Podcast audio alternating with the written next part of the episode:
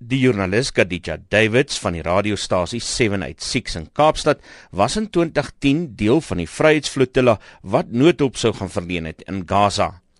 Die Turks geregistreerde boot is toe deur Israeliese magte aangeval. Davids is in die proses in hegtenis geneem en haar menseregte is glo grof geskend. Sy het 'n klag by die Suid-Afrikaanse polisie gaan lê met haar terugkeer na die land, sê Martie Momberg van Kairos, Suid-Afrika. Sy 'n gewone joernalis wat op een van die vorige Gaza flotillas was.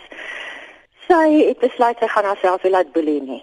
Momberg meen dit is 'n goeie getuigskrif vir die Suid-Afrikaanse regstelsel. Dit is 'n wonderlike voorbeeld van hoe die reg wat 'n gewone burger in Suid-Afrika het om die regsproses te volg.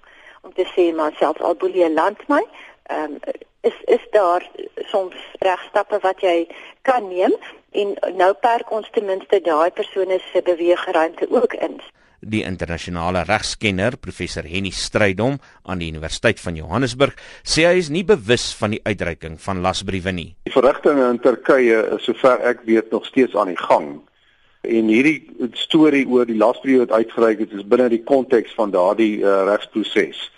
Want uh, daar was 'n vermoede gewees dat die persone ter sprake in wie die Turkse regering op hierdie oomblik soek strafregtelike vervolging is moontlik in Suid-Afrika of of is van plan om na Suid-Afrika toe te kom. Talle kommentators is van mening dat die situasie weer Suid-Afrika se integriteit met betrekking tot die uitvoering van sy eie wette, soos met die Omar al-Bashir gebeure, onder verdenking kan bring maar stryd om sê die sake kan glad nie met mekaar vergelyk word nie. Dit is nie mense wat gesoek word uh, deur die internasionale strafhof in Den Haag nie in terme van die statuut van die Rome, hier statuut van Rome nie. Hierdie is 'n staat tot staat aangeleentheid en dit is feitelik op die basis van enige versoek tot uitlewering wat jy ook in in algemene strafregtelike verrigtinge kry.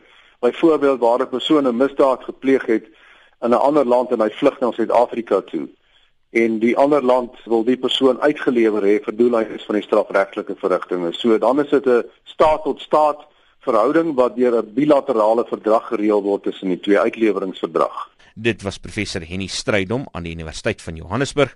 Ek is Isak Du Plessis vir SABC nuus.